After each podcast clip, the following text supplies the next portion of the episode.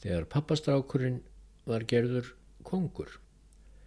Í þessari flækjusögu segi ég gamla sögu um líklega fyrstu alþýðu byltinguna sem gerð hefur verið í veröldinni.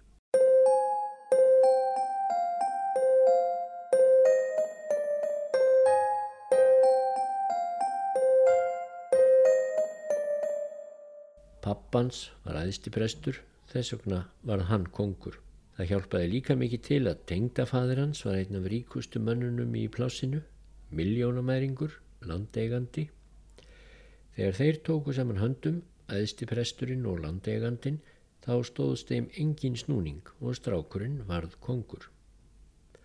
Hvort þeir rændu byljinis völdum fyrir hann eða hvort þeir kiftu þau, það vitum við ekki en við vitum að strákurinn varð kongur í krafti þeirra tvekja. Hvenar gerðist þetta?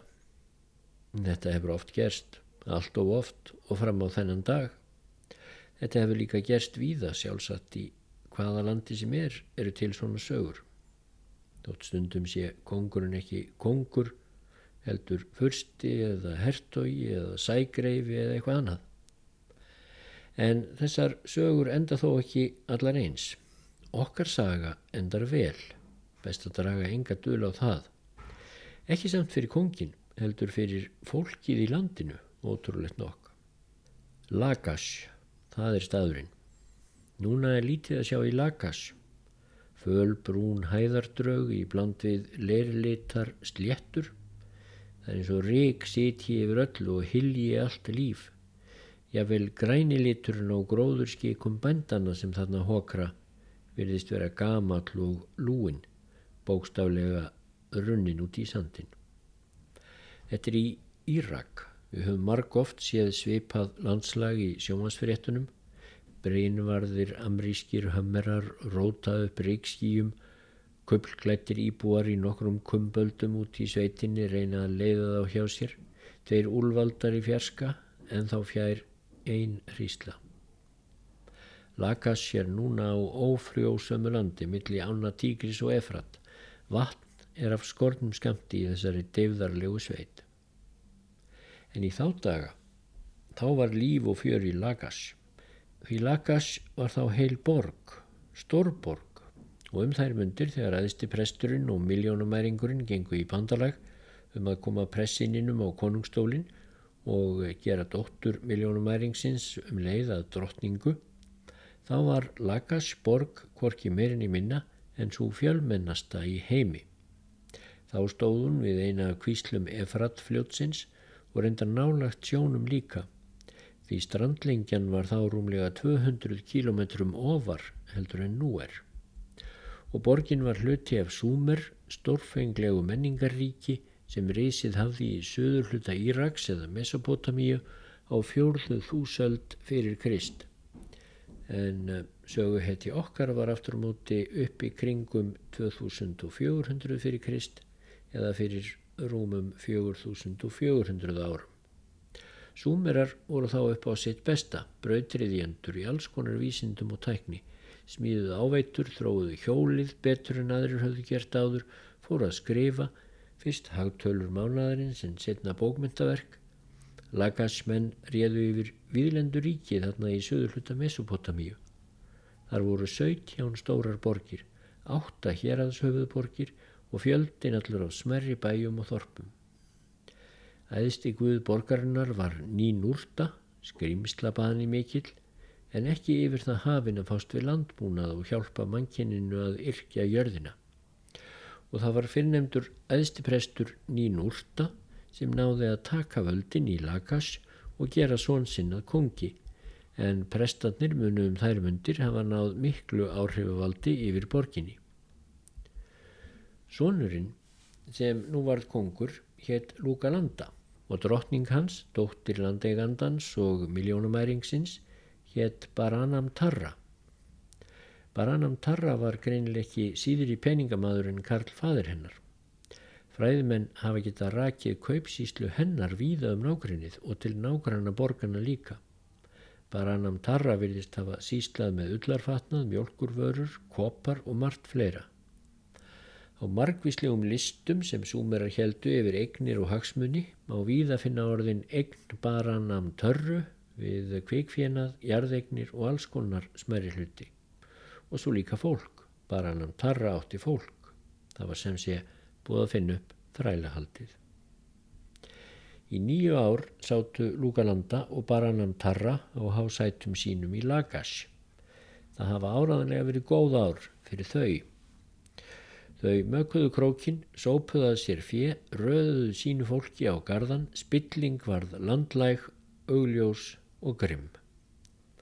Kongurinn kastaði eign sinni á jarðeignir almennings og svívirti hinn að veikari þegna sína á ímsanhátt. Alþýðan kveinaði undan þeim byrðum sem á hana voru lagðar en konungsjónin skeittu engu um þá kveinstafi. Þau voru með prestana á bakvið sig og stórkapitalið og búin að gera ennbættismenn og alla helstu leðtóga háða sér hvað áhyggjur þurftu þau að hafa. En þá braust allt í einu út í Lagas einhver allra fyrsta bylting sem sögur fara af í heiminum. Valdarán höfðu auðvitað lengi týrkast það sem einn einstaklingur tók við af öðrum. En það sem nú gerðist í Lagas virðist hafa verið hrein og klár alþýðu bylting. Uppreist kúaðara stjætta, ekki síst bænda sem höfðu fengið nóg af spillingunni, skeitingarleysinu, arðráninu, kúuninni. Nákvæmlega hvernig þessi bylting var gerð vitum við ekki en allt í einu var allavega komið nýr kongur í landið úr Rúka Gína héttan. Í einni heimil segir að Guðinn í Núrta hafi valið úr Rúka Gína úr hópi fjöldamanns og það bendir óneitanlega til að hann hafi verið einn af leðtóum uppreysnarinnar gegn Lúgalanda, væntanlega alþýðumadur. Hvað varðum pappastrákin á konungstólnum er ekki vitað. Lúgalanda hverfur einfallega úr sögunni eins og jörðin hefði kliftan og kannski var það einmitt raunin. Hins vegar er vitað að ríka drotningin Baranam Tarra dó tveimur árum eftir byltinguna og þá brá svo við að eh, drottning Uruka Gína, Shag-Shag að nafni, annaðist útför baranam törru með heilmikilli viðhöfn. En byltingin sem sópaði Lúka landa frá völdum hefur orðið þekkt í sögunni vegna þess að Uruka Gína hófst nú handaðum að bæta samfélagið sem mestan mátti. Hann let setja mikla lagabálka löngu undan Hammurabi hinnum babilónska og eh, í þeim lagabálkum verður vart mikillar viðleitni til að auka frelsi og jafnrétti þegnana, nema náttúrulega þrælana, og skorður voru settar við valdi prestana og hinn að stóru landiganda, sem sagt einmitt þeirra sem höfðu á sínum tíma komið lúka landa og baranam tarru í hásætið. Það hefur því greinilega átt að bylta gjörsamlega því skipulagi sem komist hafði á undir stjórn fyrir konungs. Þá benda heimildir til þess að í lögum úr Rúka Kína hafi verið sérstök ákvæði gegn okri, ofstjórn, hungri, þjófnuðum, morðum og eigna upptöku af hálfu hinn að voldugu. Í lofgjörðum úr Rúka Kína segir að ekkjan og munaðarleysingin voru ekki lengur leiksoppar hins volduga manns. Þá var lagt bann við því að ríkir menn og voldugir mættu berja alþýðu fólk eins og veriðist hafi verið plagsíður undir stjórn Lúkalanda. Ég ítreka þetta gerðist fyrir fjögur þúsund og fjögur hundruð árum eða þarum byl. Íbúar í Lagash let ekki bjóða sér hvað sem var. Heldur hrinduðir kúaranum úr sessi. Það er nokkuð ljóst. En það kom því miður í ljós að hinn er ríku og voldugu, þeir áttu síðasta orðið. Þeir höfðu lifað sníkjulífi á alþýðunni en reyndar kostað herr ríkisins að því er talið er. Og nú þegar Úrúka Kína hafði skorað upp herrur gegn hinnum ríku, þá hemdu þeir sín grimmilega þeir ríku. Þegar nágrannaborgin Umma fór að láta ófriðilega, þá virðast þeir ekki hafa lagt sig mikið fram um að verja heimaborg sína. Kanski var árás kongsins í umma verið að segja runnin undan rivjum óvinna úr Rúkagína heima fyrir. Annað eins hefur nú gerst. Allt hérnt varð ummakongur, ráðin í að koma byltingarfórungjanum úr Rúkagína frá völdum.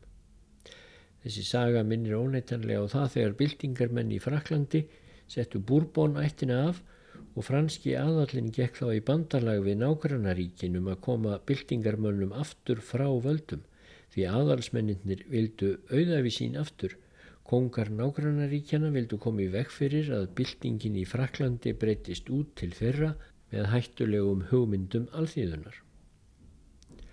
Svo kongurinn í Umma reyðist á Lagas og þótt Úrúka Gína berðist eins og ljón þá var herr hans lemstraður eftir undanbröð hinn að ríku. Borgin var brend, alþýðunni var slátrað og aftur komst á röð og regla eins og kúun heitir alltaf í munni kúarana. Hvað varðum úrúka gína veit engin. Ætli hann hafi ekki bara farist í eldinum en ónefnt súmerst skáld orti eftir hann trega hvæði. Sindir úrúka gína það er engar voru. Þannig fórum fyrstu alþýðubildinguna. Þannig hefur farið um þær fleiri síðan.